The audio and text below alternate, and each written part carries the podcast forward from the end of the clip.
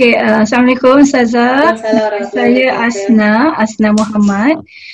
Soalan saya Ustazah, kita berselawat kepada Nabi memang digalakkan ya. Memang kita dituntut berselawat hari-hari. Dan selawat juga ada berbagai ya Ustazah. Ada selawat munjiat, ada selawat syifa, ada selawat naria dan sebagainya. Dan kemusykilan saya Ustazah, ada setengah pihak mengatakan uh, mengatakan uh, selawat uh, tafriyah eh adalah seperti tafrijiyah. Ah, tafrijiyah. Hmm. Seperti perbuatan syirik. Uh, kenapa ya Ustazah? Uh, itu kalimatnya macam mana selawat tafrijiyah tu? Ah, uh, tafriyah, tafrijiyah. Tafrijiyah atau tafriyah? Kalau hmm. tak silap saya tafrijiyah. Selawat tafrijiyah kan? Ha. Ya. Ha, ha, ha, ha. Kita ini kan bacakan salawatnya ya. Allahumma salli salatan kamilatan wa salaman taman ala sayyidina Muhammadin dan halu bihil unkhadu itu. Nariyah itu kan? Iya. Tafrijiyah kan salawat nariyah kan? Yeah. halu bihil unkhadu wa tanfariju bihil kurabu wa tufda hmm. bihil hawaiju wa tunalu. Bihir raghaibu wa husnul khawatimi ya wa istasqal ghamamu biwajhil karim wa ala alihi wa sahbihi fi kulli lamhatin wa nafasin fi adadi kulli ma'lumin. Okay. Kita kita kita hmm. ambilkan ininya ya supaya nanti kita faham ya okay. yeah. uh, jadi solawat tafriji ya sebenarnya subhanallah semua solawat itu disusun oleh para ulama kita punya makna luar biasa cuma memang kita harus faham bahawa paling bagusnya solawat untuk Nabi kita Nabi Muhammad tentu tak ada yang bisa mengalahkan solawat Ibrahimiyah Salawat Ibrahimiyah ini karena itu adalah salawat yang diajarkan langsung oleh Nabi Muhammad sallallahu alaihi wasallam. Salawat Ibrahimiyah, oh, salawat Ibrahimiyah itu salawat yang kita baca ketika kita tasyahud akhir. Allahumma salli ala sayyidina Muhammad wa ala ali sayyidina Muhammad kama sallaita ala sayyidina Ibrahim wa ala ali sayyidina Ibrahim wa barik ala sayyidina Muhammad wa ala ali sayyidina Muhammad kama barakta ala sayyidina Ibrahim wa ala ali sayyidina Ibrahim. Haja subhanallah karena memang tidak ada pelarangan tentang masalah membuat solawat. Kerana solawat tu uh, mau kita mengucapkan solawat kepada Nabi kita Nabi Muhammad sallallahu alaihi wasallam dan para ulama mengerti benar bahawa fadilah solawat untuk Nabi itu ternyata membuka solawat Allah untuk hambanya kerana Nabi bersabda man salla alayya salatan sallallahu alaihi bi ashran jadi barang siapa bersolawat kepada aku satu kali kata Nabi akan dibalas dengan sepuluh solawat dari Allah Subhanahu Wa Taala. Dan bentuk solawat Allah kepada hambanya apa? Untuk kepada hambanya bagaimana? Karena dalam Al-Quran disebutkan salawat Allah untuk hambanya liyukhrijakum minazulumati ila nur. Salawat Allah untuk hambanya akan menjadikan seorang hamba keluar dari kegelapan menuju kepada cahaya. Sehingga dengan memahami firman Allah ni, para ulama akhirnya banyak mereka mencoba menyusun solawat-solawat indah untuk Nabi kita Nabi Muhammad SAW dengan menitipkan hajat-hajatnya dengan tujuan supaya dengan solawat lalu ada hajat yang di situ disebutkan menjadi sebab Allah kabulkan kerana ada solawat Allah nanti akan dibalas kepada kita dan solawat Allah adalah rahmat rahmat Allah yang diberikan kepada hambanya yang akan menjadikan hamba tu akan dilepaskan yang susah menjadi senang, yang sempit menjadi lapang, yang gelap menjadi terang. Artinya ada banyak kebaikan yang Allah berikan untuk hamba yang bersolat kepada Nabi Muhammad sallallahu alaihi wasallam. Maka sekarang ayo kita baca ya, kita baca dan kita pahami makna solawat tafrijiyah ya. Allahumma salli salatan kamilatan. Allahumma salli salatan kamilatan ya Allah sampaikan solawat ya, sampaikan solawat kita untuk Nabi Muhammad, uh, solatan, solawat yang sempurna. Jadi solatan kamilatan yang sempurna. Wasallim salaman taman dan juga sampaikan salam kepada Nabi Muhammad SAW dan salam yang sempurna juga. Nah, kepada siapa ni? Ala Sayyidina Muhammad kepada Nabi kita Nabi Muhammad sallallahu alaihi wasallam dan halu bihil unqadu yang dengan solawat tersebut akan terurailah segala ke apa yang uqat tu yang terikat tu yang ter yang terikat orang kalau terikat kan merasa sesak ya jadi akan terurai macam tu. Wa tanfariju bihil kurabu yang dengan solawat itu akan dilepaskan kita dari segala kesusahan. Wa tuqda bihil hawaiju dan juga dengan solawat tersebut akan dikabulkan hajat-hajat kita. Wa tunalu bihil raghaibu dan akan tercapailah keinginan-keinginan kita. Wa husnul khawatimi dan semoga dengan solat kepada Nabi Muhammad menghantarkan kita untuk bisa husnul khatimah.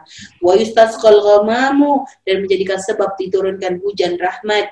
Wajhil karim dengan berkat dengan berkat siapa? Dengan berkat pribadinya yang mulia. Wajhil karim. Dengan uh, dengan dengan dengan jadi dengan keagungannya Biwajil karim ini maknanya dengan keagungan, dengan kemuliaan yang Allah berikan kepada Nabi Muhammad sallallahu alaihi wasallam wa ala alihi wa sahbihi dan juga kepada keluarganya dan juga para sahabatnya fi kulli lamhatin wa nafasin dan juga dalam setiap uh, lamhah kedipan mata wa nafasin dalam setiap hembusan nafas bi ada di kulli ma'lumillah uh, bah dan bahkan sebanyak pengetahuan Allah Subhanahu wa taala. Jadi maknanya tu luar biasa dalam. Jadi apa yang menjadikan salah? Boleh biwajil kari karena memang bijahi Nabi Muhammad sallallahu alaihi wasallam. Karena memang subhanallah Nabi Muhammad ini memang ada sekelompok orang mereka yang suka mensyirikkan solawat-solawat Naria, solat tafrijiyah ni adalah tak beda jauh dengan mereka yang suka membid'ahkan maulid Nabi Muhammad sallallahu alaihi wasallam. Jadi ada orang suka membid'ahkan maulid Nabi mengatakan maulid Nabi bid'ah. Ini sama dengan orang yang suka mengkafir-kafirkan orang yang baca solawat kepada Nabi Muhammad SAW. Padahal kalau mereka memahami maknanya, kita bukan mengatakan bahawa Nabi yang akan menjadi sebab uh, hajat kita dikabul, akan menjadi sebab apa nama permasalahan kita terselesaikan. Tak kita tak mengatakan. Tapi kita akan lebih biwajhil karim dengan keagungan dengan kemuliaan yang Allah titipkan kepada Nabi Muhammad wasallam. Jadi kita dengan dengan solawat ini bukan mengatakan bahawa nabi yang bisa menjadi sebab kita diberikan kesehatan bukan nabi bukan. Tapi kita dengan membawa pangkat. Jadi ini ada makna di dalam solawat ini ada makna tawasul. Kita membawa Nabi Muhammad wasallam, kita membawa solawat Nabi solawat kita untuk Nabi Muhammad alaihi wasallam, lalu kita hadapkan kepada Allah dengan harapan apa? Supaya dengan kita membawa orang makhluk yang sangat dicintai oleh Allah, seorang yang sangat dicintai Allah yaitu Nabi Muhammad sallallahu alaihi wasallam kita bersolat kepada beliau menjadi sebab tadi semua yang kita minta ini akan dikabul oleh Allah Subhanahu wa taala. Permasalahan kita terurai jadi ada kesempitan kita akan menjadi lapang. Sedang itu kita pun berharap dengan banyak solawat yang kita baca untuk Nabi Muhammad dengan jahnya pangkat beliau di hadapan Allah Subhanahu wa taala menjadikan nanti kita semua bisa menghadap Allah dalam keadaan husnul khatimah ini adalah harapan seorang hamba kepada kepada Allah Subhanahu Wa Taala. Kita pun sangat yakin tak ada di antara kita yang mengatakan bahawa Nabi bisa mengkabul kerana kita tahu Nabi manusia. Akan tapi Nabi manusia yang sangat dicinta oleh Allah Subhanahu Wa Taala sehingga untuk mendapatkan ridha Allah, untuk menjadikan agar Allah bisa mengabulkan doa-doa kita maka apa kita bawa siap yang paling dicintai oleh Allah. Siapa? Nabi Muhammad sallallahu alaihi wasallam dengan harapan. Kerana kita tahu dirilah kalau kita meminta kepada Allah bisa kita berdoa kepada Allah akan tetapi dengan banyaknya dosa kita mungkinkah dikabulkan macam tu? Kita sadar kita ni punya banyak dosa banyak kemaksiatan dan sebagainya. Maka kita perlu membawa sesuatu yang Allah cintai yang sesuatunya adalah sesuatu yang sangat mulia yang sangat dicintai Allah yang dengan sesuatu tersebut menjadikan Allah nanti pun mengampuni semua dosa-dosa kita. Jadi macam tu. Jadi Nabi itu bukan perantara. Allah tak butuh perantara. Kita dengan Allah tak butuh perantara. Tapi Nabi ini adalah suatu perkara yang sangat dicintai oleh Allah. Yang dengan kita membawa sesuatu yang dicintai Allah, maka subhanallah menjadi sebab Allah melihat kita dan mengabulkan semua hajat kita. Jadi macam tu. Jadi uh, sebagaimana ini sebenarnya nanti berkaitan lagi nanti dengan macam tawasul. Ada tawasul dengan amal baik, ada tawasul dengan orang soleh. Itu kan macam tu. Macam hmm. gini, ketika dalam kisah Nabi Muhammad menceritakan tiga orang yang terjebak di gua, mereka lalu berdoa dengan membawa kebaikan masing-masing. Ada yang satu berdoa kepada Allah dengan baktinya kepada orang tuanya, semoga pintu ni lalu bergeser, batu ni bergeser. Akhirnya bergeserlah pintu itu, batu tadi. Ada yang berdoa bahwa dia telah bisa menjaga dia bisa menjaga diri dari kemaksiatan waktu itu ada wanita dia bisa menghindari dari perzinahan akhirnya batu pun bergeser. Ada lagi dia adalah orang amanah dia mengembalikan uang kepada orang yang berhak maka akhirnya batu itu bergeser. Mereka bertawasul dengan amal baik. Kenapa? Karena amal baik adalah perkara yang sangat dicintai oleh Allah. Mereka sebutkan di hadapan Allah ya Allah dengan kebaikan yang pernah aku lakukan jika kau di, sebagai kebaikan yang kau terima maka jadikan ini sebab doaku dikabul atau aku mendapatkan pertolongan. Boleh bertawasul dengan amal baik tapi bertawasul dengan hamba yang baik pun boleh karena hamba yang baik pun dicintai oleh Allah dan sekarang kita tanya, siapa hamba yang paling dicintai oleh Allah? Paling dicintai oleh Allah adalah Nabi kita Nabi Muhammad sallallahu alaihi wasallam. Jadi kita bawa dengan kita bersalawat kepada beliau, maka kita mengundang rahmat dari Allah Subhanahu wa taala. Dan insyaallah kami yakin sebodoh-bodohnya kita tak ada di antara kita mengatakan Nabi Muhammad itu adalah Tuhan.